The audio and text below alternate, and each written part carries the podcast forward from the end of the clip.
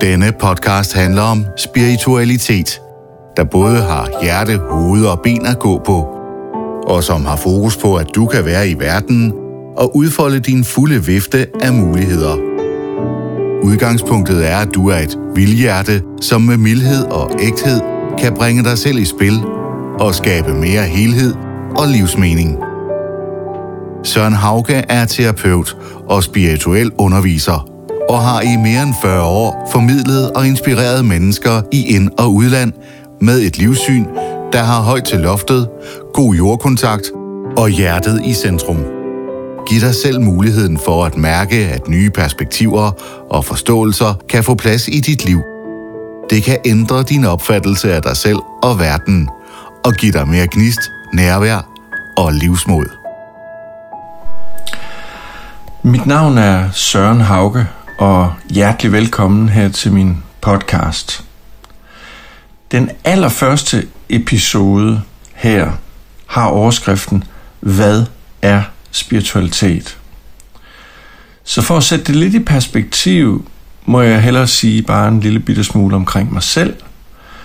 Øh, jeg er soulflow-terapeut, spirituel underviser og forfatter til en række bøger. Jeg er indimellem lejlighedsvist øh, leder af forskellige grupperejser til områder, hvor naturen er speciel at besøge, mest i nærmeste udland. Jeg har ledt grupperejser til Irland og især Færøerne, plus en lille håndfuld andre lande. Jeg har været øh, fuldtidsprofessionel hele mit øh, voksenliv, og det er siden 1982, og det er jo skræmmende at skulle sige, at øh, jeg har arbejdet fulltime med spiritualitet i mere end fire årtier. Men det er sådan, det er. Og øh, man kan sige, min historie er kort, at det der fra begyndelsen af var min absolute livspassion, det som tændte alt i mig, det valgte jeg at gå all in på fra den tidligste begyndelse i mit liv, og det betyder helt konkret, at jeg nok tog en uddannelse. Jeg er uddannet magister i idehistorie og filosofi fra Aarhus Universitet, men i realiteten tog jeg aldrig den uddannelse for at øhm, gøre karriere inden for universitetet eller den akademiske verden. Jeg tog grundlæggende uddannelsen, fordi at fag som idehistorie og filosofi kunne måske i virkeligheden skabe en lille smule respekt omkring det, jeg egentlig ville, at hvis jeg var i stand til at gennemføre et akademisk studie, så var der måske nogen, nogen der godt gad at høre på, hvad, hvad jeg havde på hjerte.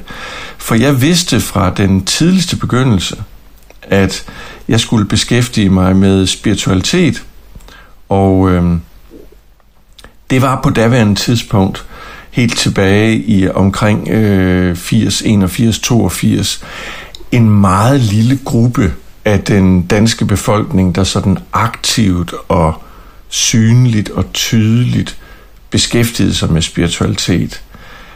Det meste af det, der foregik på aftenskoler på daværende tidspunkt, og det var typisk aftenskoler, man udfoldede det øh, omkring, det var, eller foreninger, men det var primært astrologi, øh, lidt omkring yoga, øh, måske noget zoneterapi, og det var stort set det. Øhm, så i 1981 øh, begyndte jeg at forberede min undervisning øh, i teosofi, som var den spirituelle strømning, jeg mødte som teenager, og som ramte ind i mine øh, dybeste længsler og min og vagte en genklang hos mig. Jeg, jeg blev ikke opsøgt af nogen, der beskæftigede sig med teosofi. Jeg fandt den selv efter lang tids søgen, og øh, det var en kærlighedsaffære fra den tidligste begyndelse, og jeg blev en del af et øh, spirituelt miljø i Danmark, hvor man kunne tænke store tanker, der var højt til loftet, der var et kæmpestort livsperspektiv, der åbnede sig med en enorm livstolerance og et, øh, et dybere perspektiv på alle hverdagslivets øh, spørgsmål. Så derfor så var teosofien, man kan sige, den urtehave, jeg øh, vokset op i som ungt menneske, selvvalgt, øh, og det var i sig selv weird, fordi på daværende tidspunkt var der stort set ingen andre på min alder, øh, der foldede de interesser ud. Og øh, jeg kastede mig simpelthen ud i at undervise på aftenskole. Øh, dengang var det under FUF. Jeg boede i Aarhus. Og så foldede tingene sig ud i noget, der har varet kontinuerligt lige til i dag. I 30 år arbejdede jeg med teosofien som, hvad skal vi sige, den platform eller den baggrund, der var meningsgivende for mig. Men i øh, 2012, der havde jeg ydet så meget som ambassadør for et stort og forgrenet spirituelt miljø, øh, ikke bare i Danmark, men også i Skandinavien og i sidste ende i hele verden, at jeg følte, nu var tiden kommet til, at øh, jeg skulle begynde at finde mig selv. Jeg skulle, og det kan man måske undre sig over, når du hører det, øh, havde jeg ikke fundet mig selv inden for den ramme? Jo, men det var stadigvæk som en, der udlagde en forståelse, som viser os sjæle havde lagt for dagen i, i verden. Så jeg var altid repræsentant for nogle øh, mennesker, som var pionerer inden for, i det her tilfælde, den teosofiske strømning. Så man kan sige, at min egen rodfæstethed i spiritualiteten kom vel nok i anden række. Så som en fortolker af teosofien, af den esoteriske psykologi, som det også nogle gange kaldes, jamen så øh, var jeg en god formidler øh, og lojal over for den lærer, som jeg følte mig mest forbundet med. Men siden 2012, øh, hvor jeg slap øh, det at være forbundet med en bestemt spirituel strømning, øh, der handlede det simpelthen om, at jeg fik mit eget fodfæste. Så det har været min vej lige siden. Jeg øh, har lagt meget vægt på den praktiske dimension i spiritualiteten i de sidste 12 år, øh, 10-12 år, og derfor er der meget stor forskel på, hvordan mit afsæt er. Men jeg synes, du skal vide, at det er den, øh, hvad skal vi sige, selvvalgte baggrund, jeg kom af, inden jeg fra 2012 øh, sådan for alvor foldede tingene ud, sådan som jeg oplever fuldstændigt selvberoende, at tingene bør formidles. Og det gør jeg igennem min undervisning, det gør jeg igennem kurser og uddannelsesforløb i soulflow-terapi og øh, weekend workshops.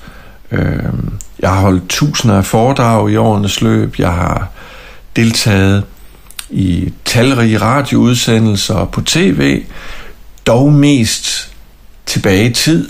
Jeg har ikke fokuseret specielt på den del af det i de senere år, men har øh, lagt vægten på at øh, stå på min egen ben.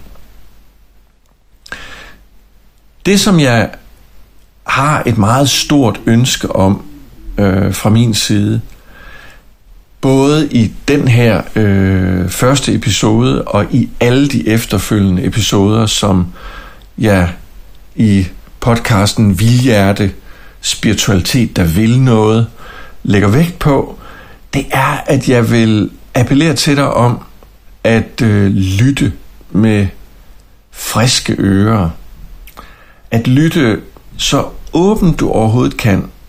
Og mm, selvom jeg indimellem lægger nogle perspektiver frem, som baserer sig på, hvad andre har erkendt og kommet frem til. Det kan være igennem forskning, det kan være igennem højere bevidsthedserfaringer.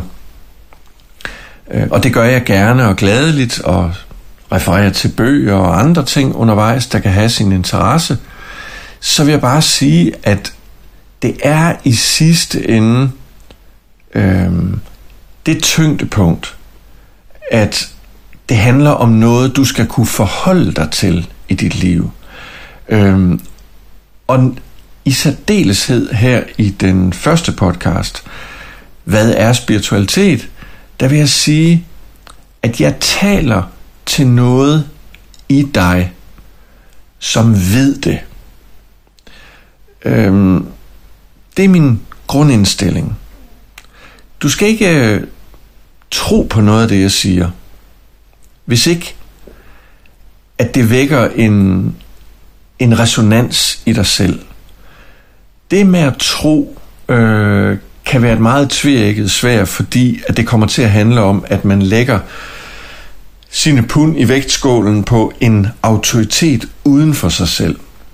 Jeg er på, på ingen måde en modstander af at lægge stor vægt på autoriteter i ens liv, som man har tillid og tiltro til. Øhm, men det er overordentligt vigtigt for mig at understrege, at det, der ikke vækker resonans i dig og mig, det har ingen værdi. Det, der ikke vækker en genklang dybt inde, og som gør, at der er noget, der simpelthen genkender, der er noget, der fanger noget op. Hvis ikke det er tilfældet, så tror jeg ikke, det har ret meget værdi. Og det, at noget vækker genklang, det er ikke kun noget, der taler til hovedet. Det er ikke kun noget, som handler om, skal vi sige, at fornuften føler sig bekræftet. Resonans i mine øjne er noget særdeles dybt. Noget, der slår på nogle strenge inden i os, som vi ofte ikke er i stand til at forklare. I hvert fald ikke i første omgang. Det er noget, der stikker dybere end intellektet. Det er noget, der stikker dybere end det analytiske og meget praktiske, bevisorienterede aspekt i os. Det er noget, der rammer nogle dybe toner inden i os, som går udenom og hinsides intellektet. Det betyder ikke, at vi ikke på et senere tidspunkt kan få en fornuftsmæssig afstemning af det, og at vi kan mærke, at det lander, og vi bliver bedre i stand til at udtrykke det, og vi kan også, skal vi kalde det, analytisk forholde os til det. Det er helt fint. Men for mig er spiritualitet bestemt ikke kun noget, der bare taler til den almindelige, dybere fornuft. Det er noget, der taler til hele vores væsen. Det er noget, der vækker genklange i områder i os selv, som vi sjældent er i kontakt med. Simpelthen fordi vi sjældent skænker det nok opmærksomhed. Så det er på en måde som at vande noget meget sart inden i os, som skal have tid til at vokse. Og derfor så kan det ikke nytte noget, at det vanlige intellekt, som vi bruger rigeligt i forvejen, at det straks kommer på banen og skal verificere og så skal argumentere for både det ene og det andet op og ned af dørstolper, fordi det kommer alt for meget til at blive på fornuftens hverdagspræmisser. Og spiritualitet er meget mere end det, vi til dagligt, hurtigt og effektivt og omskifteligt beskæftiger os med. Øh, det er selvfølgelig det, jeg skal prøve på at folde ud i den her første episode. Men det er vigtigt for mig at understrege, at intellektet har sin plads sammen med en lang række andre ting i os. Og det glæder jeg mig også til at udfolde i kommende episoder, for der er rigeligt at tage fat på. Men mit afsæt lige nu er egentlig først og fremmest at sige, at ordet spirituel er blevet så mainstream i Danmark i dag. Det er blevet så udbredt at, at tale om spiritualitet, at jeg var lige ved at sige, betydningen bliver under tiden kraftigt udvandet. Hvis man bruger et udtryk tilstrækkeligt ofte, og hvis man bruger det øh, uden at forklare sig nærmere, øh, så bliver et udtryk meget hurtigt indholdsløst. Det bliver devalueret i en vis forstand, og det kan næsten gå hen og blive værdiløst. Og det er lidt sådan med, med ordet øh, spirituel og spiritualitet, at det er blevet så udbredt og almindeligt, at alt her i livet kan sådan set kaldes spiritualitet. og det er også fair nok. Men der ligger noget til grund for det, som er mere, langt mere end et modeord. For det er blevet, det er kommet på mode at tale om spiritualitet. Det er trendy. Øh, man er hip, øh, når man er spirituel på mange områder. Og øh, det har sådan en lidt ekskluderende virkning, hvis man ikke straks er åben over for spiritualitet, så er man firkantet i hovedet, og så øh, trænger man til at få udvidet sine horisonter. Men det er fair nok at efterlyse en dybere forståelse af, hvad der gemmer sig bag udtrykket spiritualitet og spirituel. Og det er selvfølgelig det, som jeg glæder mig til at folde ud nu her. Og give mere tyngde, kan man sige. Det er et overordentligt vigtigt tema, fordi spiritualitet er i virkeligheden det, der udvider vores liv, så der bliver plads til alt det, vi længes efter. Så der bliver plads til alt det, vi håber på. Alt det, vi mærker, men ikke rigtig kan forklare. I hvert fald ikke med det samme. Og min tilgang til spiritualitet, det er jo klart, at alle vinkler ind i spiritualitet, de har et ståsted. Det er jo ikke en neutral platform. Vi har alle sammen et afsæt et eller andet sted fra. Og jeg vil starte med at sige, at min tilgang til spiritualitet er en holistisk spiritualitet. Holistisk betyder jo helhedsforståelse. Det betyder helt enkelt, at den tilgang, jeg har til det spirituelle, det er en tilgang, der hele tiden berører helhed. Det vil altså sige, det er ikke en enten eller spiritualitet. Det er ikke en sort-hvid tilgang til livet. Altså, sagt lidt firkantet, enten kommer du i himlen, eller så kommer du i helvede. Enten så er du på den rette side, eller også så er du på den forkerte side. Enten så gør du noget, der er godt, eller også så gør du noget, der er ondt. Det er ikke holisme. Det er ikke en helhedsforståelse af tingene. Det er dualisme. Så her ved begyndelsen vil jeg egentlig bare lave en klar skældning imellem holistisk spiritualitet og dualistisk spiritualitet. Og jeg benægter på ingen måde, at der er tilgangen til det spirituelle, som er sort-hvid præget. Det er bare slet ikke den vej, jeg har mit afsæt. Min grundindstilling er, at alt er forbundet, alt hænger sammen, livet udgør en helhed, og derfor er alle facetter af livet, alle dimensioner, alle oktaver en del af den samme helhed. Det er lidt ligesom at sige, lidt firkantet sagt selvfølgelig, det er ikke et sort-hvid livsperspektiv, det er et regnbue livsperspektiv, hvor alle nuancer har plads i det større perspektiv. Så det er det første afsæt, øh, jeg gerne vil lægge vægt på her. Og så vil jeg sige, at jeg tager også afsæt i en erfaringsmæssig dimension. Spiritualitet er for mig ikke en intellektuel øvelse. Det er ikke et mind game. Øhm, det er noget helt centralt eksistentielt.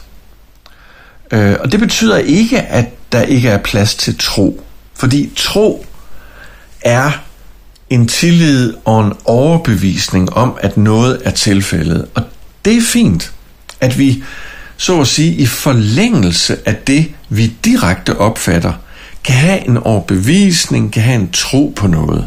Jeg tror ikke, der er nogen mennesker, der ikke har en tro på et eller andet, som de ikke kan bevise. Øhm, selv de mest rationelle mennesker er drevet af overbevisninger. Selv de mest hardcore analytiske, naturvidenskabeligt orienterede mennesker har overbevisninger eller tro, som deres rationalitet er styret af. Så tro eller en overbevisning, man ikke er i stand til at redegøre nærmere for, er ikke et problem. Slet ikke. Men det er meget vigtigt for mig at understrege, at spiritualitet i mine øjne er noget erfaringsmæssigt. Det er noget, vi alle sammen har adgang til. Det er ikke noget, en lille gruppe udvalgte, særligt øh, eliteprægede, fremstående mennesker med højere bevidsthed end alle vi andre, har en privilegeret adgang til. Det er noget, der i virkeligheden er tilgængeligt for alle mennesker. Det betyder ikke, at alle mennesker er interesseret i spiritualitet, øh, eller i hvert fald under betegnelsen spiritualitet. Men det betyder, at det er noget, der grundlæggende er tilgængeligt for alle mennesker. Og jeg tror, jeg vil starte med øh, og dele med dig en, øh, en central oplevelse, som går helt tilbage til min tidligste barndom. For mig blev spiritualiteten levende i mit liv, før jeg overhovedet anede, hvad ordet spirituel var. Øhm, og jeg havde ikke sprog for det. Oplevelsen går tilbage til, da jeg som femårig var på sommerferie med mine forældre og min lillebror. Og øh, vi var et eller andet sted i det sydlige Tyskland, hvor jeg på et tidspunkt sandsynligvis får vist af min far, at jeg skal kigge op. Og højt, højt oppe over hovederne på os, der svæver to kongeørne. Øh, jeg vidste ikke, at der var tale om kongeørne på daværende tidspunkt, men, men øh, det var sådan, det var. Og jeg kan huske, at jeg blev fuldstændig stum indeni. Jeg blev væltet helt over ende af at være vidne til de her kredsende giganter højt oppe øh, på himlen ovenover os. Øhm, jeg anede ikke, hvad jeg skulle sige. Men i den oplevelse blev der født en, skal vi sige, åbning til noget storslået. Og jeg anede ikke, hvordan jeg skulle formulere mig omkring det. Jeg kan huske øh, senere øh, på samme sommerferie, der var vi omkring øh, et skisportsted, hvor vi øh, i sommerheden tog de her skisportslifter op øh, imellem graner og øh, et, et, et virkelig flot øh, landskab.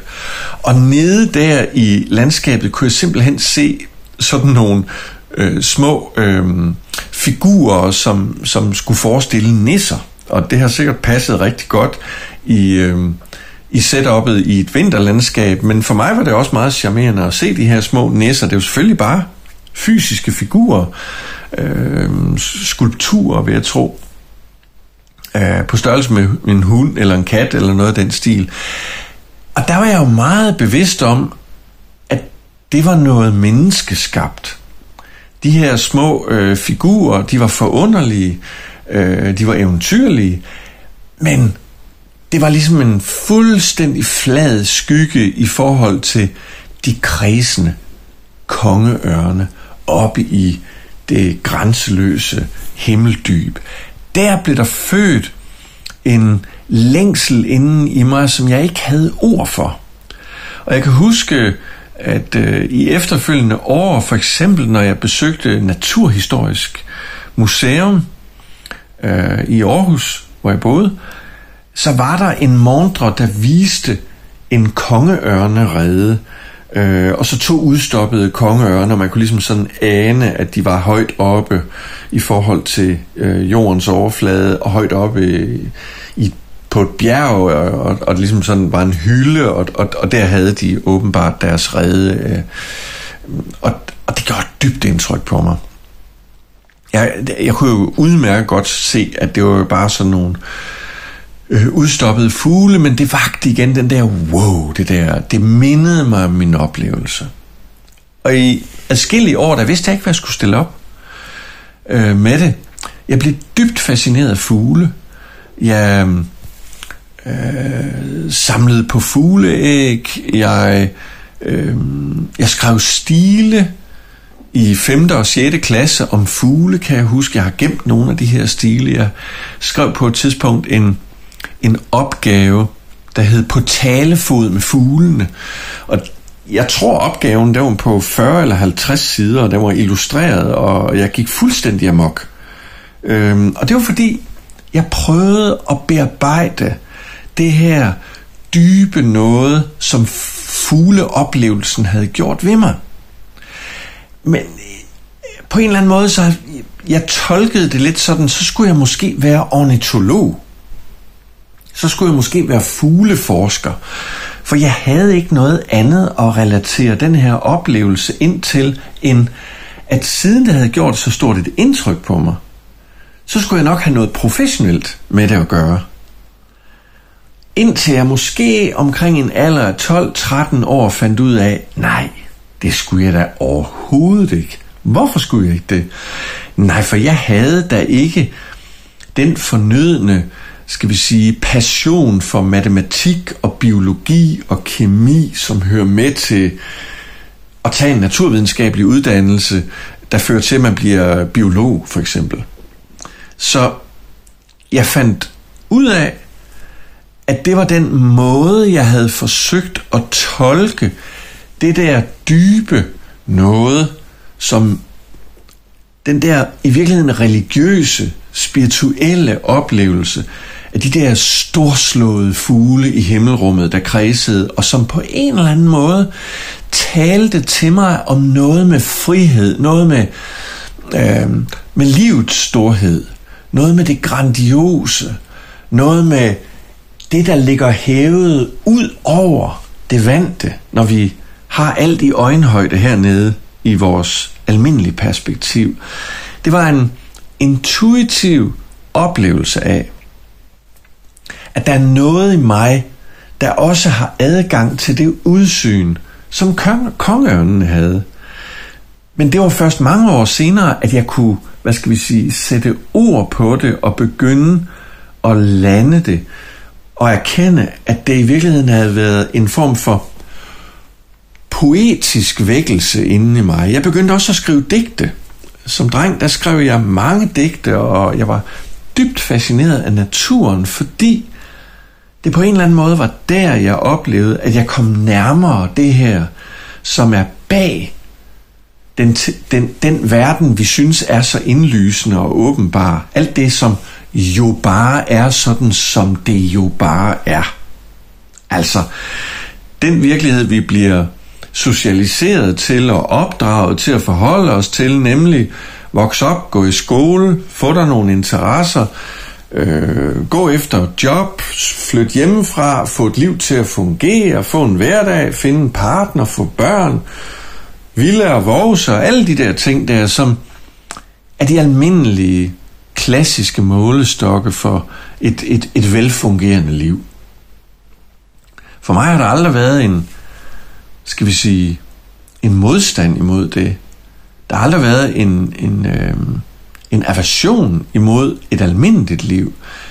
Men der har været en oplevelse af, at det blev totalt fladt for mig, hvis det kun handlede om de ting, som, øh, hvad skal vi sige, var, var indlysende og, og, og givet på forhånd. Fordi at dybt inde i mig vidste, med en vidshed, som er fuldstændig urokkelig, at livet er meget mere end det.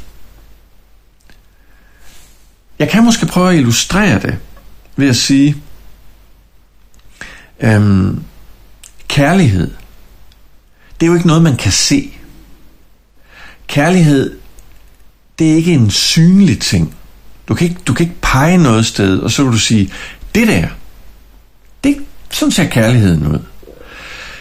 Fordi den kan også se ud på andre måder. Jeg mener, du kan pege på to mennesker, der holder stærkt af hinanden og, og er i hinandens favn, eller du kan pege på øh, et menneske, der, øh, der græder af glæde over, at det genser en, som det har været adskilt fra i måske overvis. Det kan man måske beskrive som noget, der har med kærligheden at gøre, men der er jo uendeligt mange eksempler på, hvordan den kommer til udtryk. Men det er jo ikke selve kærligheden. Kærligheden i dens egen ret, kærligheden i dens egen natur, er jo ikke noget, vi kan se. Der er ikke noget, vi kan pege på. Det er ikke noget, vi kan sanse med vores fysiske sanser. Og alligevel, så kan det være ledetråden i vores liv. Så der er ikke noget mere mystisk i spiritualiteten, end egentlig at pege på, at det er det samme som med kærligheden. Og i øvrigt vil jeg sige, det kommer jeg til, spiritualitet er forbundet, dybt forbundet, med vores kærlighedsevne og vores kærlighedslængsel, med selve kærlighedens natur. Men pointen er meget enkel. Kærlighed er ikke noget, vi kan pege ud og sige, der bor kærligheden, den vejer så så meget, og den ser sådan ud, øh, og, og fra den vinkel, så ser den sådan ud. Nu ved du, hvad kærligheden er for noget. Fuldstændig på samme måde er det med spiritualitet. Og det er, at øh, det er noget, vi ikke kan måle og veje i sig selv, men det kommer til udtryk i livet på alle mulige måder. Så spiritualitetens natur i sig selv er, at den kan ikke udpeges som noget fysisk alene, men den kan komme til udtryk i det fysiske. Det vil sige, at den har sin rod et andet sted. Og nu er vi der, hvor jeg så måske kan prøve at så sige, hvordan skal jeg prøve at definere spiritualitet på en super enkel måde? Og det kan jeg jo så gøre ved at sige, at du og jeg, vi er mere end summen af vores enkelte dele. Du og jeg er mere end summen af vores enkelte dele. Hvad mener jeg med det? Jeg mener, du kan tage alle mulige forskellige elementer ved dig selv eller ved en anden, og så kan du lægge dem oven på hinanden, så at sige. Du kan stakke dem. Men du vil aldrig have summen af det menneske. Fordi det menneskes helhed er mere end de enkelte dele. Så de enkelte dele kan aldrig definere et menneske i sin helhed. Du kan ikke defineres igennem dine enkelte egenskaber. Helheden, holos på græsk, helheden er altid mere end de enkelte dele. Og det alene er dybt tankevækkende. Fordi det vidner om noget, vi kan have ret svært ved at forstå, men som vi alligevel godt kan fornemme et eller andet sted. Jeg kan også sige det på en anden måde. Jeg kan sige, du er altid mere end summen af dine handlinger. Vi kan meget vel definere øh, noget af et menneske ved at pege på, hvordan det handler. Men vi kan aldrig komme med den fulde, hele, hvad skal vi sige, opskrift på et menneske ud fra summen af dets handlinger. Øhm, det kan ikke lade sig gøre, fordi vi er altid mere end vores handlinger. Der foregår mere end det, der bliver synligt. Så vi mennesker er i virkeligheden noget meget mystisk, når det kommer til stykket, fordi den dybde, vi rummer, øh, det omfang, vi har, kan aldrig endegyldigt indfanges og gøres op i en måling. Lige meget hvor mange undersøgelser vi laver, vil vi ikke endegyldigt kunne drage en konklusion af, sådan er det menneske. Det er den ene ting. Så er der den anden ting, og det er, at du kan ikke længes mod noget, du ikke allerede i en vis grad kender. Læg mærke til, hvad det var, jeg lige sagde. Du kan ikke længes mod noget, du ikke allerede i en eller anden grad kender. For lige at give mm, dig en fornemmelse af, hvad det er, jeg siger nu, så vil jeg sige, du længes jo ikke mod noget intetsigende volapyk. Du længes altid mod noget, som du et eller andet sted dybest set ved, hvad er. Og det er fordi, at det på en eller anden måde findes inde i dig. Så når du længes efter et eller andet uden for dig, så er det fordi, der er et eller andet inden i dig, som allerede har med det at gøre. Øhm, vi kunne ikke drømme om at lede efter noget nonsens. Fordi nonsens er ikke interessant at lede efter. Vi leder efter noget, vi har en færd af.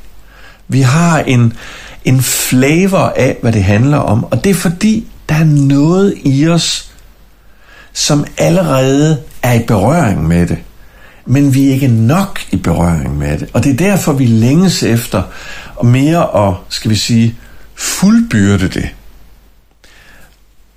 Og det er en indikator af, at vi er meget mere end det, vi umiddelbart i vores hverdag nemt og, og ubesværet kan forholde os til. Jeg kan også sige det på den måde. Du er født spirituel, men uden at du har et jeg med fra din tidligste begyndelse. Vi er alle sammen født spirituelle, fordi spiritualiteten er dybden i vores væsen, som vi har med os, dybt i vores grundvold. Jeg kan også sige højden af vores væsen, dybden og højden af vores væsen. Øhm, men som spædbarn, der har vi åbenheden, men vi er jegløst åbne. Og hvad ligger jeg i det, når jeg siger, at vi er jegløst åbne? Jamen, jeg ligger præcis det i det, at vi har ikke noget jeg endnu. Et spædbarn kan ikke ligesom resonere. Det har ikke en jeg-bevidsthed, og ligesom sådan kan sige, sige til sig selv, hmm, når jeg nu ligesom ligger her og prøver at kigge op på månen, og den er meget langt væk, så kan jeg ikke forstå, hvorfor jeg ikke bare kan gribe den med mine hænder. Det gør et spædbarn jo bare ikke. Et spædbarn oplever verden non-dualt. Der er ikke nogen rigtig adskillelse for det lille spædbarn. Den der enhedsdimension, at alt er forbundet, det oplever spædbarnet, men uden et jeg. Og det, der så sker i vores opvækst, det er, at vi gennemgår en jeg-dannelse. Det, der sker, det er, at vi langsomt og gradvist lærer at differentiere ud af den der, øh, hvad skal vi kalde det, instinktivt oplevede enhedsverden, vi er i som små spædbørn, hvor alt bare er et, så begynder det at skille sig ud, at der er nogen, der tager sig af os, som ikke er os selv. Vi begynder at høre udtryk, som bliver gentaget, som bliver til ord, vi efterhånden selv kan tage i vores mund. Vi begynder at afstandsbedømme, vi begynder at koordinere vores krop, selv før vi aner, hvad ordet krop betyder. Vi begynder at bevæge os, vi begynder at kunne rejse os op, og vi begynder at sætte os ind i en stadig mere kompleks virkelighed omkring os, og enheden går i virkeligheden tabt.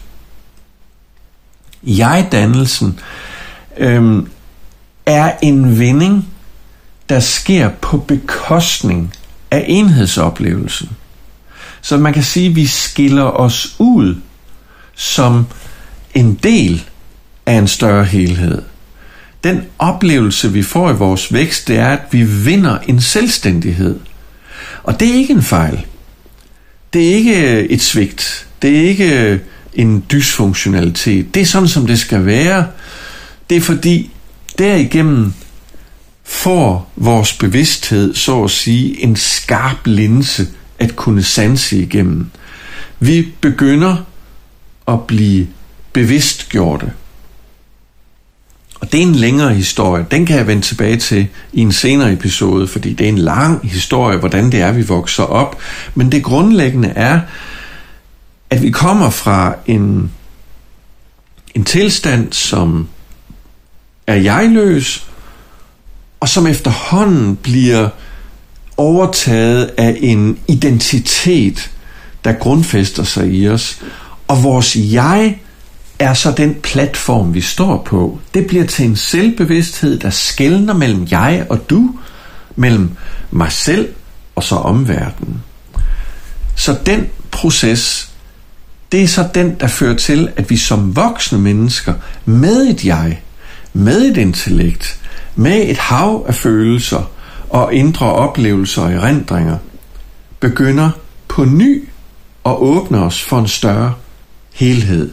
Så det bliver i virkeligheden på en måde jagten på den tabte enhed eller den tabte helhed.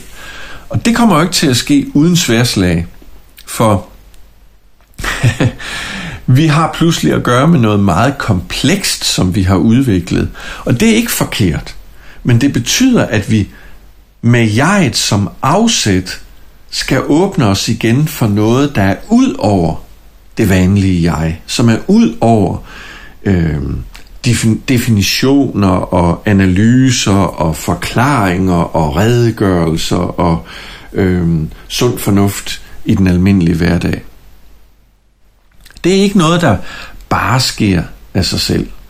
Øhm, og det vil jeg gerne illustrere øh, med en historie øh, fra da jeg var teenager. Da jeg som 16-17-årig sådan for alvor begyndte at kunne mærke, at den spirituelle længsel, som jeg havde haft i mig siden jeg var lille, at den igen gerne ville have plads, fordi jeg var teenager, og jeg havde jeg levede et normalt teenagerliv som andre drenge og piger på min alder, jeg drak og gik på diskotek og kørte på knald og der havde læderjakke og plateausko og alt muligt andet fancy, som var inde på daværende tidspunkt i 70'erne. Men den der dybere spirituelle længsel bankede på igen. Og jeg kan huske, at jeg havde en ganske speciel oplevelse som 16-17-årig, som jeg aldrig har glemt. Jeg havde besluttet, at jeg ville øh, beskæftige mig med stille fordybelse. Og jeg havde været inspireret, fordi jeg var på biblioteket og havde lånt en eller flere bøger om meditation. Og hjemme på mit værelse, der havde jeg indrettet sådan et lille sted, et hjørne, man kunne sådan lidt øh, højtidligt kalde det et alter. Altså det var i virkeligheden en, en, øh, en træølkasse, som jeg havde lagt sådan et, et fint lille klæde henover, og så havde jeg en lille dekoration stående på det. Og øh, så, så sad jeg der. Så sad jeg der og, og, og samlede mig. Jeg tændte et strinlys, og så sad jeg egentlig bare der og, og var meget berørt af, at det var specielt at sidde der. Og, øh, om, hvad skal man sige, mærke mig selv på en, på en anden måde, end bare det at fare rundt som, som teenager. Og det var noget, jeg gjorde fuldstændig for mig selv, uden at involvere andre i det.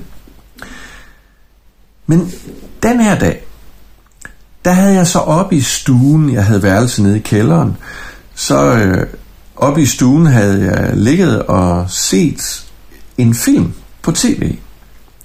Og øh, det var Arnold Schwarzenegger før han blev filmstjerne. Det var den gang, hvor han blev verdens øh, kåret øh, i øh, bodybuilding. Det var den film, der hed Pumping Iron, og øh, den er fra 1977. Og øh, jeg kan huske, at jeg blev meget påvirket af den her fantastiske øh, præstation og også det her power, han udtrykte. Det tiltalte et eller andet i min teenager-natur.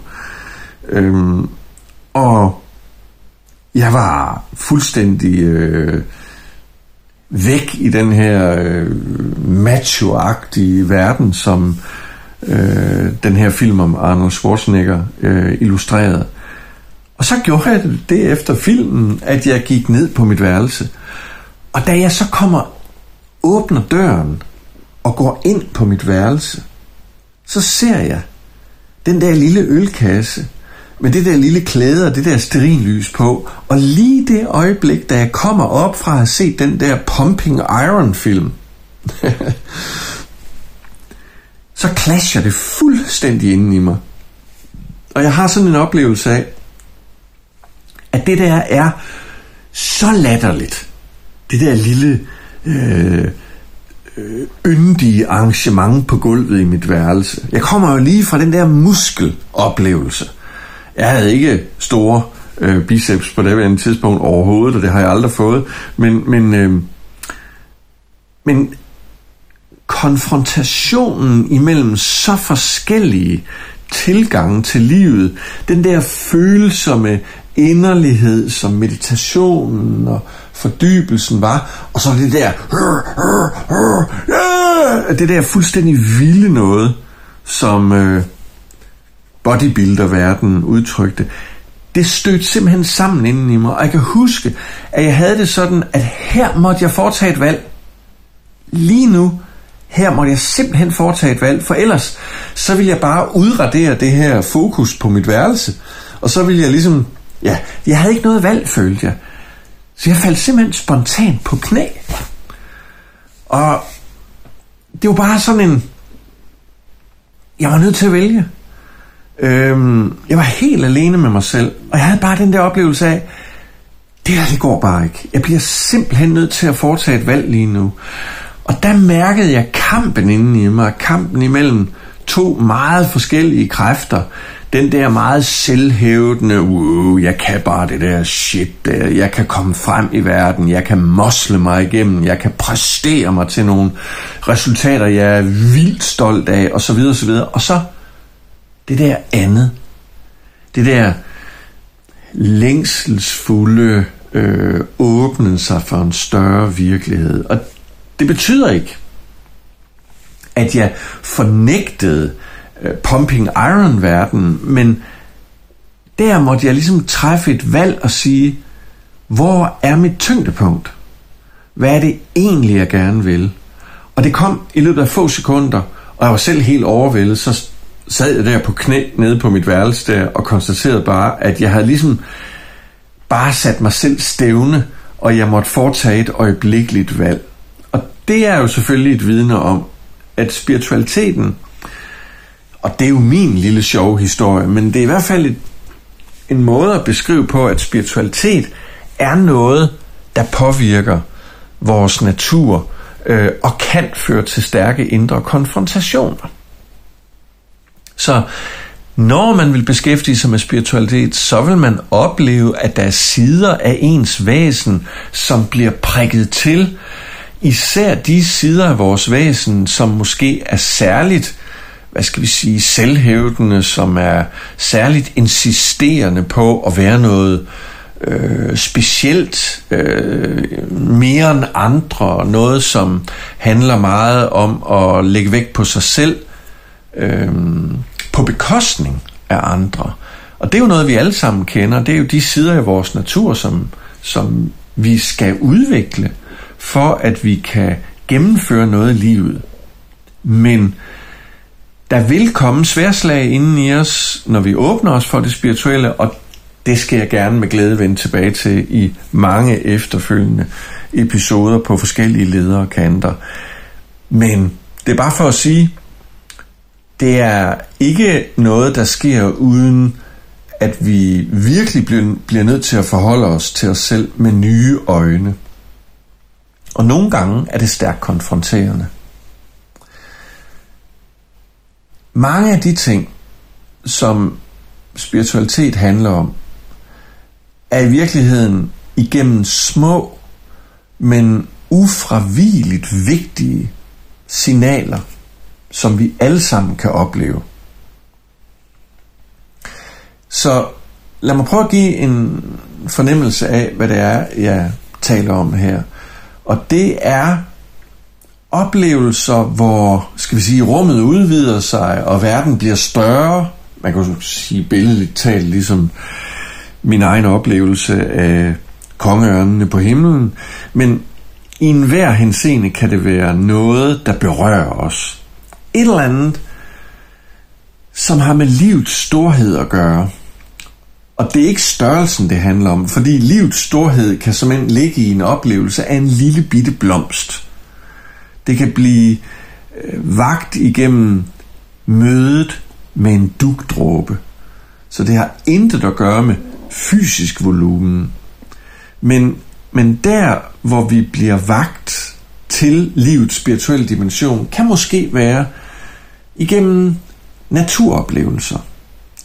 Eller det kan være igennem oplevelsen af kunst, der rammer dybt inden i os, uden at vi kan forklare nærmere, hvad det egentlig er, der sker.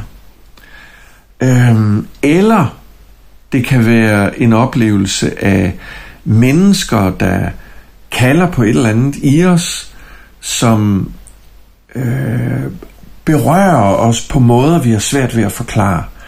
Øhm, der er en meningsfuldhed. Der er en oplevelse af en, umot, en umotiveret glæde. Der er noget livsglæde, der bliver berørt. Det kan være taknemmelighed, og det kan komme meget pludseligt. Eller det kan være en meningsfuldhed, som er svær at forklare. Det giver bare mening, og hvis man bliver bedt om at forklare nærmere hvorfor, ja, så søger man måske efter ordene i første omgang, og har lidt svært ved det. Det kan være en øh, umiddelbar forbundethed med noget, der er enestående. Det kan være noget, der har med øh, tro at gøre, eller med viden, eller det kan være rollemodeller, man møder, men det er noget, som har en livfuldhed. Det er et eller andet, der berører noget i os, og som også før eller siden øh, berører vores hjerte, som vækker en varme inden i os. Så disse signaler, som vi alle sammen kan opleve, det er tilværelsens helt enkle, afgørende elementer. Det kan komme i en oplevelse af, at det er fuldstændig forunderligt at trække vejret. Det kan komme igennem en forelskelse. Det kan komme igennem en kærlighedsoplevelse. Det kan komme igennem det, at man bliver set, bliver opfattet som det, man er. At man bliver påskyndet af et andet menneske.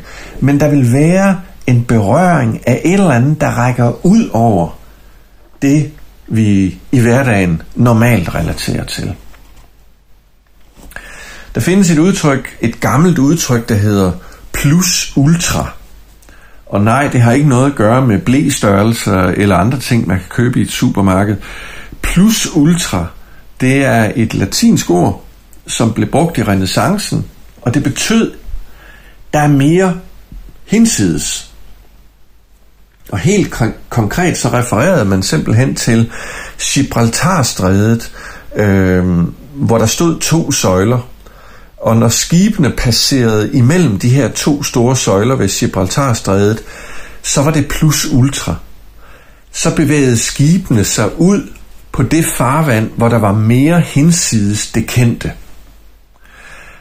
Og man kan sige, at plus ultra her, der er mere hinsides.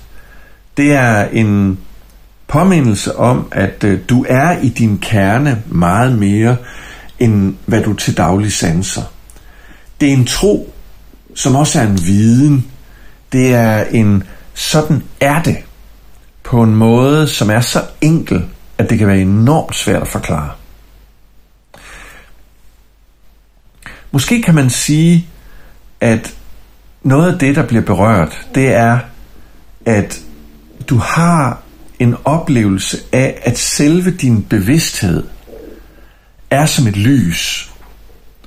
Øhm, at din bevidsthed er en klarhed, en vågenhed, der ser og opfatter helhed. Altså til forskel fra tanker, følelser, stemninger og handlinger, så selve din bevidstheds rene natur, den her vågne klarhed, der er der en åbning ind til det, som er mere hinsides. Altså det, som er mere end bare det, du kan forklare. Man kan også sige, at dit hjertes åbenhed er en begyndelse ind i det større. Den oplevelse, at du føler dig forbundet, at du føler dig, at der er en samhørighed med verden. Den oplevelse, at du kan have medfølelse med et menneske, du ikke kender. Den oplevelse, at du kan mærke en kærlig væren, der rører dig dybt, uden at du kan finde ord for, hvad det egentlig er for noget. Også det er typisk noget, der hører til åbningen ind til det spirituelle. Eller det kan være en oplevelse af din egen livskraft.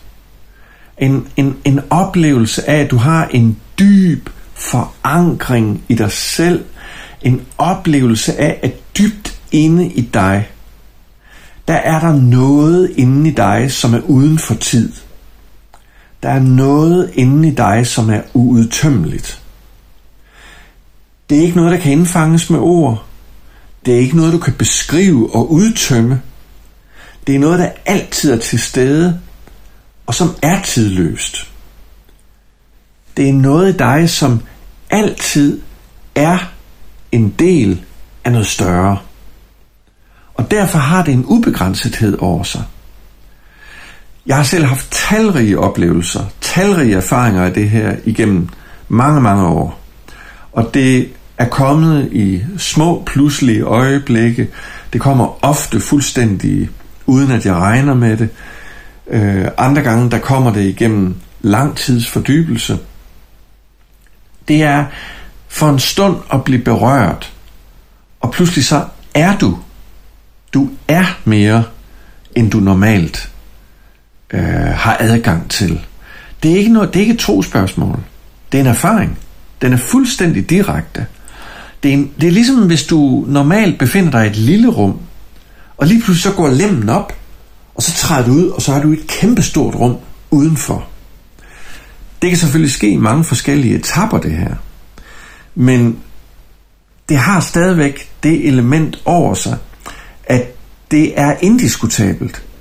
Det er ikke noget, du... Øh, det er ikke noget, du skal overbevises om. Der er ikke nogen, der skal forklare dig det for, at du tør stole på det.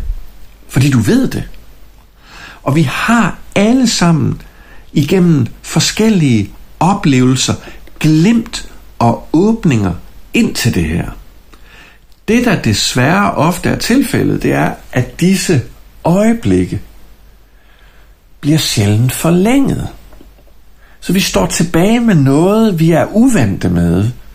Det er som om, vi har brygdelen et sekund sanset ind i en virkelighed, som vi er så uvante med at navigere i, at vi bagefter måske lettest glemmer. Fordi så er det lettere at begå os i den kendte verden. Men i virkeligheden er det små åbninger ind til den større virkelighed, som vi altid er en del af. Og hvis vi i stedet for og ligesom prøve at vende os væk fra det og prøve at glemme det, fordi det kan vi slet ikke forklare andre det her, fordi så tror de, vi er stiktosset oven i hovedet. Hvis vi i stedet for bliver ved det, så har vi en chance for at kunne mærke, at det åbner til en forbundethed. Det åbner til noget, som er indfrielsen af de længsler, vi går med. Den øh, engelske digter John Donne, øh, der levede for adskillige århundreder siden, han havde et udsagn i et af hans digte eller et af hans tekster om, at intet menneske er en ø i sig selv. Vi er alle forbundet. Vi er alle forbundet til fastlandet. Så intet menneske er en komplet isoleret ø. Den der oplevelse af at høre til, har noget dybt at gøre med spiritualiteten. Og i den oplevelse af at være forbundet og høre til, der er der en enorm kraft til rådighed. Der er en meningsfuldhed. Der er en vidshed, en viden om, at jeg er livet i udfoldelse. Jeg er ikke kun det, der afgrænses af min hudoverflade. Jeg er en del af noget større. Jeg er aldrig bare en ø i mig selv. Jeg er en del af et større fastland. Ikke teoretisk, men reelt. Min hud stopper ganske vist ved grænsen, der hvor min krop har sin kontur. Men min tilstedeværelse i verden er ufattelig meget mere end det. Det er noget af det, som kendetegner glimtvise åbninger ind til den større virkelighed. Jeg kan lige komme med et kort eksempel her. Jeg har en meget, meget stærk erindring med mig. En af de kerneoplevelser, som var skældsættende for mig, det var tilbage i 20'erne. Jeg var meget bevidst omkring det spirituelle på daværende tidspunkt. Jeg var faktisk øh, kursusholder på et øh, kursus i spiritualitet, og om morgenen fra lørdagen til søndagen, da jeg vågnede, så havde jeg en meget stærk oplevelse. En virkelig, virkelig overvældende opvågning. Det, der skete, det var, jeg vågnede op fra min søvn, og i det øjeblik, i det øjeblik, jeg vågner, der ved jeg med hele mit væsen, at jeg har været vågen hele natten. og det lyder jo som en tilsyneladende selvmodsigelse, fordi jeg vågnede jo op af en søvn. Men det, der var paradokset i det, og det, som var vildt stærkt, øh, stærkt hinsides enhver beskrivelse, det var, der var noget i mig, der havde været vågen hele natten, mens noget andet af mig sov. Og jeg vidste det. Jeg vidste i det øjeblik, jeg vågnede, at jeg hele tiden er. En del af mig er bevidst hele tiden, selv i søvnen. Det er kun en del af mig, der falder i søvn. Og jeg ved godt, det lyder mærkeligt, hvis man ikke selv har haft oplevelsen så lyder det som et eller andet, der er blevet fundet på. Men det var det ikke. Og det varede ved rigtig længe. Det tog mig tid. Det tog mig måske en halv time at komme, hvad skal vi sige, lidt ud af den her tilstand. Det var ikke, fordi jeg ønskede at komme ud af den, men langsomt gled min bevidsthed over i, at det blev en erindring. Men jeg glemte aldrig sidenhen, hvordan det var spontant at have været i denne jeg er hele tiden vågen, og det ved jeg tilstand. Øh, og når man får den slags indre erfaringer, så kan andre mennesker argumentere fra Herodes til Pilatus, og det gør ingen forskel, fordi det du ved, lige så sikkert som noget overhovedet, det kan andre jo ikke argumentere dig væk fra. Og sådan er det med de her dybe spirituelle erfaringer, at det er noget, der sætter spor, som vi simpelthen ikke kan tages væk fra. Det betyder ikke, at vi sidder med hele sandheden. Det betyder bare, at vi har nogle erfaringer, som det handler om, at vi også øh, giver lov til, kan slå rod i vores hverdag. Og det kommer de kun til ved, at vi bliver opmuntret, eventuelt ved, at vi også hører andre omtale det her, og vi får en fornemmelse af, at vi ikke er helt knald i låget, når vi har den slags oplevelser. Spiritualitet er noget, der altid handler om helhedsperspektivet. Det betyder også, at spiritualitet er både noget individuelt og noget fælles. Det er både noget, som handler om om jeg og om vi. Fordi hvis jeg altid er en del af noget større, så kan det ikke bare være tilfældet, at spiritualiteten handler om mig og mig og mig og mine behov. Fordi verdens behov er også forbundet med mine behov, fordi jeg er en del af verden. Der er ikke nogen adskillelse dybest set mellem mig og resten af verden. Og det er jo rent fysisk også en kendskærning, fordi vi trækker vejret i den samme luft, og øh, vi deler det samme rum, vi har brug for de samme ting, og vi øh, udveksler konstant med hinanden. Så det er jo en illusion, at vi er skarpt adskilte fra vores omverden.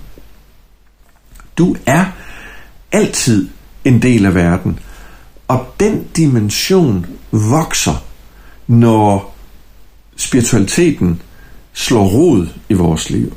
Det betyder, at øh, andres ved og vel betyder noget. Det betyder, at du er ikke ligeglad med verden, for du er verden. Du er verden. Alt det, der er omkring dig, er en forlængelse af din egen natur. Det er kun den vante del af dig, som bor i din krop, men din større tilstedeværelse er også med dine medmennesker, er med naturen, er med det liv, der omgiver dig. Så på den måde så genkender jeg mig selv i andre mennesker. Jeg er altid forbundet med andre mennesker.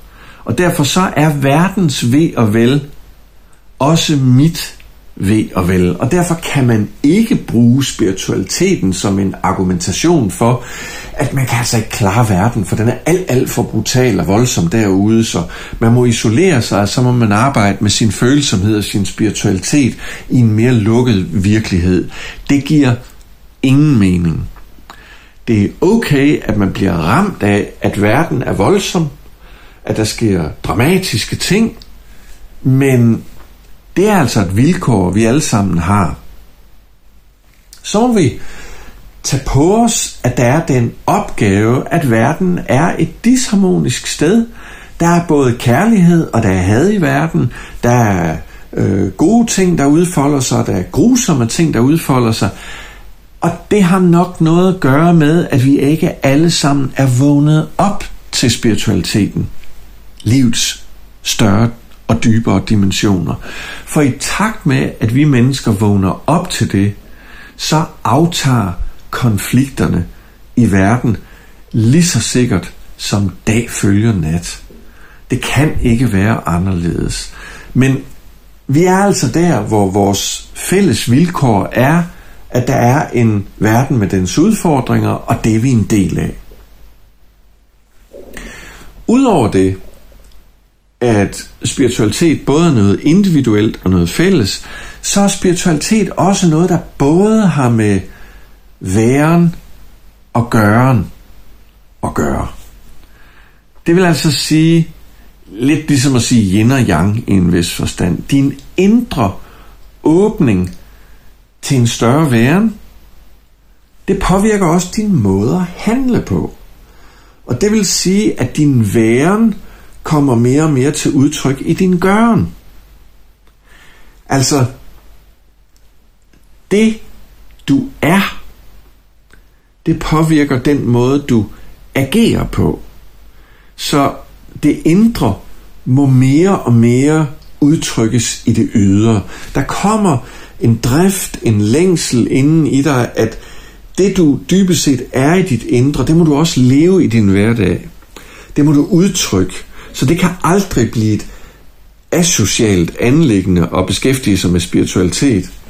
Hvilket minder mig om en historie fra min øh, barndom i skoletiden, hvor min orienteringslærer, som i øvrigt var en meget inspirerende lærer, han, han, han havde den holdning, at hvis man var et socialt aktivt væsen, så var man ikke en, der beskæftigede sig med at meditere eller arbejde med spiritualitet, fordi så blev man asocial. Det var sådan en typisk venstreorienteret holdning i 70'erne, at øh, det var vigtigt at være social, og øh, det at vende blikket indad, det var en selvoptaget ting. Det perspektiv, jeg anlægger her, er stik det modsatte. Nemlig, at jo mere vi åbner os for, hvad vi rummer, desto mere vil vi uværligt begynde at beskæftige os konstruktivt med vores omverden. Vi vil få et stigende behov for at sætte vores aftryk på verden i form af omsorg for vores omverden, engagement i det, der foregår omkring os, at vi kan give vores konkrete bidrag til en bedre verden. Så spiritualitet er altså i allerhøjeste grad noget, der fører til engagement i verden, nemlig at tjene helhedens bedste. Det betyder ikke, at vi kan klare alle verdens udfordringer, men det betyder, at der hvor vi er, der har vi en nærhorisont. Og det som vi står over for at møde der, hvor vi lever vores liv, at der kan vi gøre en forskel. Spiritualitet påvirker alt i livet. Så spiritualitet handler om og indvirker på, hvordan vi lever vores liv på alle måder. Hvad betyder det? Jo, det betyder, at rent kropsligt, så vil spiritualitet handle om, at øh, det er ikke ligegyldigt, hvad det er, vi spiser. Det er ikke ligegyldigt, øh, hvordan jeg behandler min krop. Det er ikke ligegyldigt, hvordan jeg har adgang til min sanselighed. Min seksualitet er heller ikke ligegyldig. Min livsvitalitet er ikke ligegyldig. Alt det, som hører til den instinktive, kropslige dimension, og det indbefatter sanslighed og seksualitet og livskraft og føde og søvn og livsrytme. Det er essentielt for et spirituelt liv. Så det kan ikke undgå andet end at en dybere opvågning til, hvem vi er og hvad der rører sig i os, det vil påvirke vores tilgang til vores krop.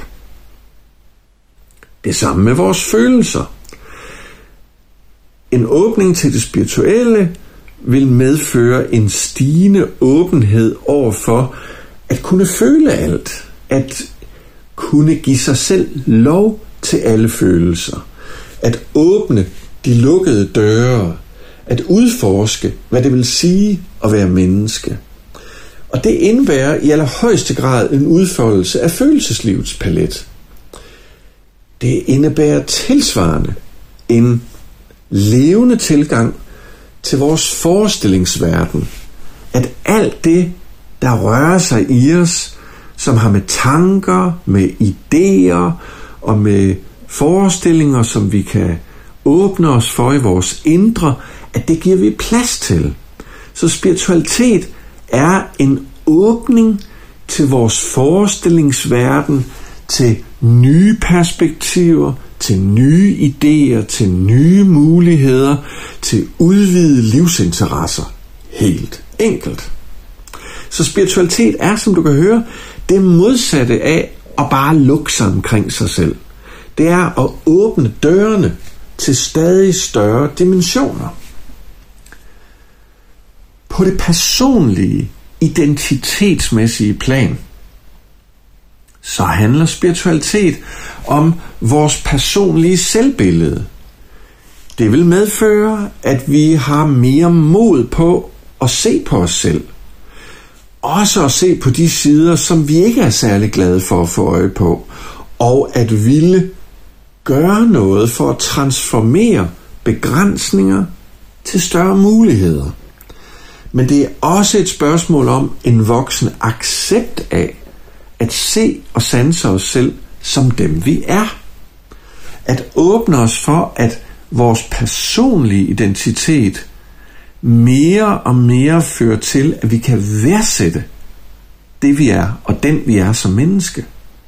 Så på det personlige plan er spiritualitet et rungende ja til at være i livet, og til at udfolde mine talenter, og til at stå ved, at jeg er skæv indeni, at jeg, at jeg bakser med forskellige ting, og at øh, jeg ikke prøver at skjule noget, men øh, jeg prøver at være så transparent over for mig selv, som jeg kan være. Og over for andre selvfølgelig. Så kropsligt, følelsesmæssigt, forestillingsmæssigt, personligt, identitetsmæssigt, er spiritualiteten noget, der rører ved os, fordi det er noget, der kommer fra vores dybere essens. Det kommer et sted indefra, hvor der åbner sig plads til mere nærvær, til mere hjerte, til mere åbenhed, til mere livskraft i vores hverdag. Så det åbner til det perspektiv, at mit liv er en rejse, og mit hjerte er min vejviser. Mit hjerte er mit kompas. Det er ikke øh, de gængse spilleregler i samfundet, øh, som skal bestemme inderst inden, hvad der er min, øh, min kompasnål. Det er dybest set selvfølgelig er det, som jeg lærer i skolen og lærer i samfundet og lærer mine forældre og øh, bliver socialiseret til, selvfølgelig er det vigtigt. Men det må aldrig fratage mig evnen til at mærke, hvad mit hjerte vækker i mig. Den her villighed til at lære mig selv dybere at kende, og mærke, hvad det er, der vækker den dybeste genklang i mig, det er noget, jeg inderst inde har med mig. Det er ikke noget, som bare er et produkt af min opdragelse. Den dybere essens, som jeg rummer, er også en etisk bevidsthed. Det er også evnen til medfølelse, evnen til det empatiske, til medansvar for at gøre noget godt. Det er et engagement i livet. Det er livsløst. Det er simpelthen spiritualitet vækker appetitten på livet. Lysten til at være i verden. Lysten til at blive mere vågen simpelthen. Det har at gøre med livsglæden. Det har med lysten til at følge mit hjerte og det, der betyder noget og giver mig glæde.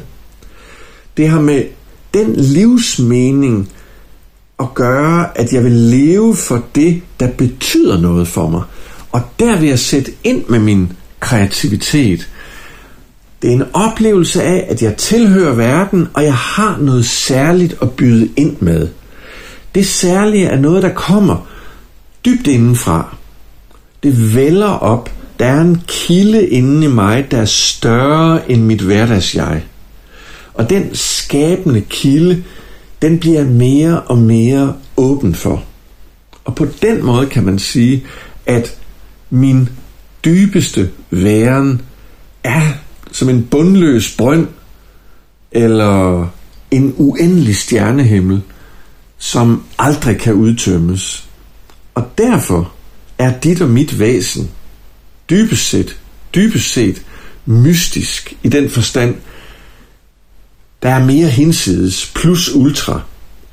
Uh, vi er gådefulde, fordi vi er mysterier, der aldrig endeligt kan kortlægges. Fordi vi er forbundet med den uendelige virkelighed, som udfolder sig i verden. Og derfor kan vi aldrig indfanges og endeligt defineres. Men vi kan have forskellige sprog til den større virkelighed. Og det perspektiv, kan man sige, viser også en større tolerance, en større øhm, vidvinkel til livet. At der er forskellige sprog på det spirituelle. Først og fremmest er der selvfølgelig vores hverdagssprog. Vi kan prøve at beskrive alt det her lidt sådan, som jeg gør det nu, efter bedste evne. Men der findes jo også vinkler ind, som man måske kunne kalde et mere religiøst sprog. Og igennem de religiøse sprogbrug, som forskellige traditioner har, er der også veje og adgange til det spirituelle. Der findes også det videnskabelige sprog, som er meget rationelt, men som i virkeligheden peger hen i sidste ende på en virkelighed, der er meget, meget større, end vi umiddelbart tror, vi kan forstå. Altså hvis man bare tager, hvad den moderne kvantefysik er kommet frem til i de seneste årtier, og hvad parapsykologien øh, har åbnet for, så er virkeligheden gennem de naturvidenskabelige øh, briller langt større, end hverdagsfornuften kan redegøre for. Så videnskaben er et sprog. Videnskabelige indsigter åbner også gennem den fokuserede fordybelse øh, ind i virkeligheden til intuitiv glimt. Og alle dybe videnskabelige opdagelser har en historie om, at efter lang tids analyse, så glimter der intuitivt en forståelse igennem, som er langt større end summen af alle analyserne. Så videnskaben er en vej til det spirituelle. Det samme er filosofien. Der findes et filosofisk sprog, et abstrakt, øh, mere idémæssigt sprog, der åbner eller kan åbne ind til spiritualiteten. Og på samme måde med det kunstneriske. Kunsten er et sprog, der kan åbne ind til spiritualiteten. Det kan være musikken, det kan være poesien, der rører ved nogle strenge inden i os, som både er emotionelle, instinktive og intuitive, og som vi har svært ved at forklare. Og for at komme med et eksempel på det, kunne jeg godt tænke mig lige at læse det berømte vers af William Blake, den, den engelske kunstner, der levede fra 1757 til 1827. Han er kendt for at have sagt, og først læser jeg det på engelsk, og så oversætter jeg det. To see a world in a grain of sand, and a heaven in a wild flower. Hold infinity in the palm of your hand, and eternity in an hour. Det betyder noget i retning af, på dansk, at se en verden i et sandkorn – og en himmel i en vild blomst. Hold uendeligheden i din hånd og evigheden i en time. Det er et mageløst digt, eller det er bare en del af et større digt.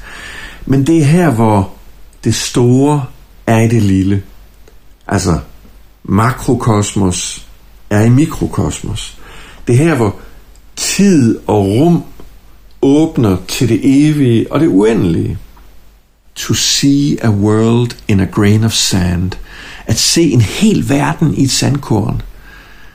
And a heaven in a wild flower. Og se himlen i en lille blomst. Altså, det er at røre noget i os, som går udenom hverdagsfornuftens kalkyler. Det er en intuitiv opfattelse af noget, der er nonverbalt, men som ordene peger på. Der er en yndefuldhed, der er en poesi, som er graciøs, og som er meget dyb og meget præcis på samme tid. Og det øh, gør, at jeg skal til at binde sløjfen for den her første episode. Og det er ved at sige selvfølgelig, at spiritualiteten i sidste ende kan åbne til dybe, transcendente erfaringer, det vil sige udvidede sanseoplevelser øhm, og paranormale sansninger, som åbner til ting, som har med tid og rum og vision og med klar sansning, klar drøm, ESP og PSI og hvad man nu ellers kalder de her fine ting. Og det er selvfølgelig dimensioner omkring det spirituelle, som er en kæmpemæssig historie i sig selv, nemlig at åbningen til den større virkelighed kan også åbne til udvidede sanseoplevelser, som især parapsykologien har beskæftiget sig med. Og derfor vil jeg gerne slutte med et øh, lille eksempel fra den virkelige verden, nemlig min egen oplevelse af at møde min far øh, under ganske særlige omstændigheder. Og der skal vi tilbage til 1997. Min far døde en meget tidlig død i en alder af 65.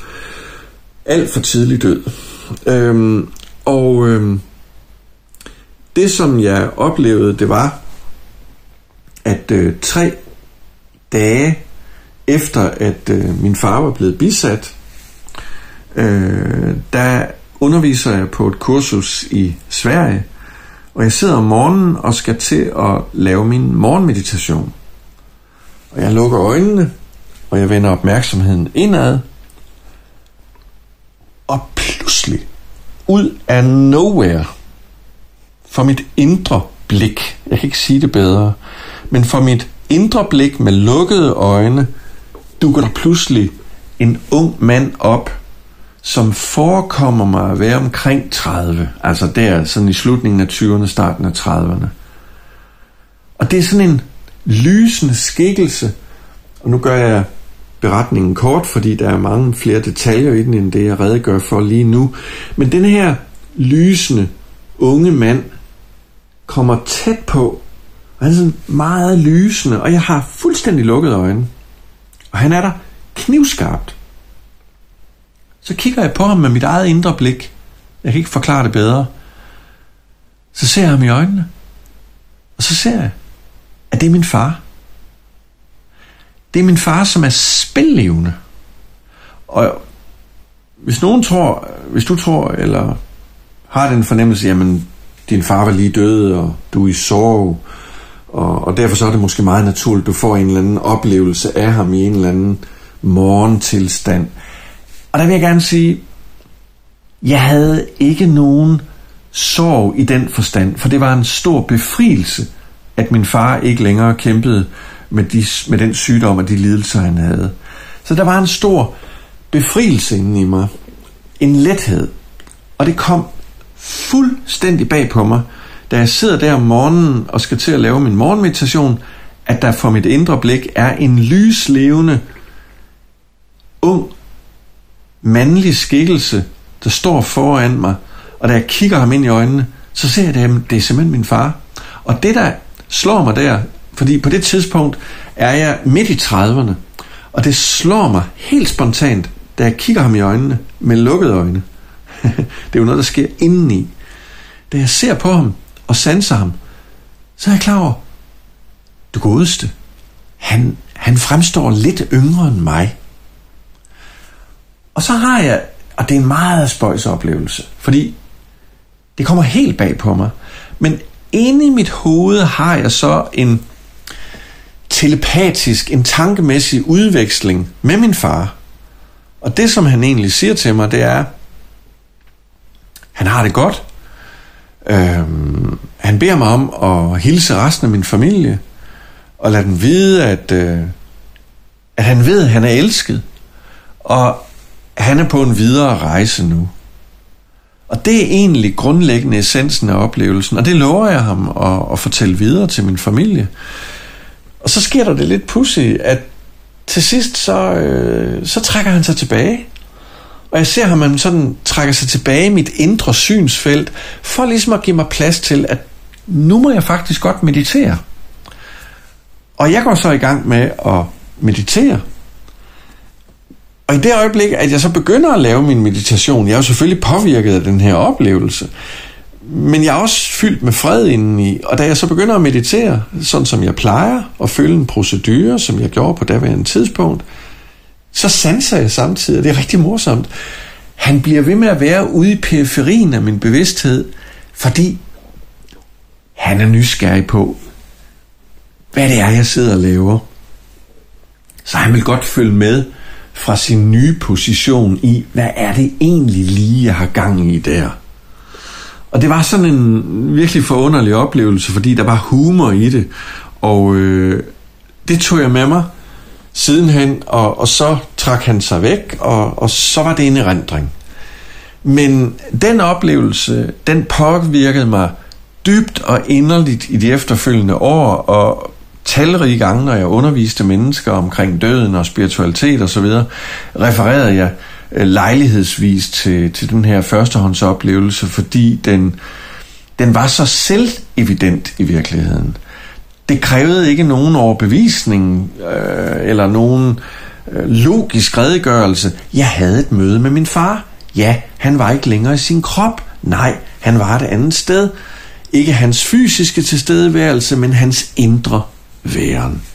Og sådan er spiritualitet noget, der også kan åbne til andre former for sansning end det, som vi oplever til dagligt normalt. Øhm, så afslutningsvis vil jeg sige, det spirituelle er ikke selve det faktum, at vi kan sanse mere end vi tror. spiritualitet er, at der kan opstå indsigter, at der kan opstå udvidet forståelse af verden, at der kan opstå en dybere forbundethed med verden. I mit tilfælde med min far, der var det jo en, yde, en udvidet oplevelse af, at man kan kontakte hinanden, uden at man nødvendigvis har en fysisk krop. Det er den spirituelle dimension i oplevelsen, og det, at han kunne kommunikere ordløst med mig. Ikke selve det spektakulære i, at jeg havde en form for indre clairvoyance-oplevelse af min far, som man også kunne kalde det her. Det spirituelle er en dybere forbindelse med verden. Og når du og jeg begynder at udfolde vores spiritualitet, så vil det påvirke os på alle livets områder. Det var det, som jeg havde på hjerte her i den allerførste episode af Vildhjerte-podcasten, og øh, under overskriften Hvad er spiritualitet? Så jeg håber, at det her har været med til at inspirere dig til at komme på sporet af, hvad spiritualitet er. Og ellers så vil jeg afslutningsvis sige, at det her var den første episode. Der kommer mange ting, som jeg har allerede på beding. Hvis du er interesseret i at lære mere om det, jeg gør i mit virke, så kan du gå ind på min hjemmeside, som er 3 www.sorenhauge.com Altså www.sorenhauge Soren i stedet for ø så u. Sorenhauge.com Der på min hjemmeside vil du kunne se det, som jeg laver, mine aktuelle øh, aktiviteter, øh, alt hvad du har brug for for at komme videre, og i følgende podcast vil jeg give dig masser af andre vink om, hvad du kan lade dig inspirere af. Du kan også gå ind på hjemmesiden wiseheart.dk, som er det forlag, jeg driver sammen med min bror, og så kan du se på nogle af de bøger, jeg har skrevet, som er tilgængelige og som kan købes, og det kan jo være en af vejene til at bringe dig videre i spørgsmålet omkring, øh, hvad er øh, spiritualitet. Du kan også finde mig på Facebook, og du kan finde mig på Instagram, hvor jeg har øh, navnet Gentle Wildheart, og øh, det bliver en stor fornøjelse for mig at byde dig velkommen til den næste podcast.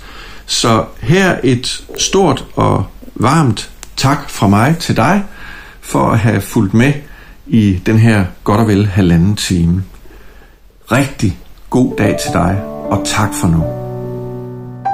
Tak fordi du lyttede med. Forhåbentlig fik du gode aha-oplevelser og inspirerende vinkler, der kan bringe mere vildhjerte ind i dit liv. På genhør næste gang.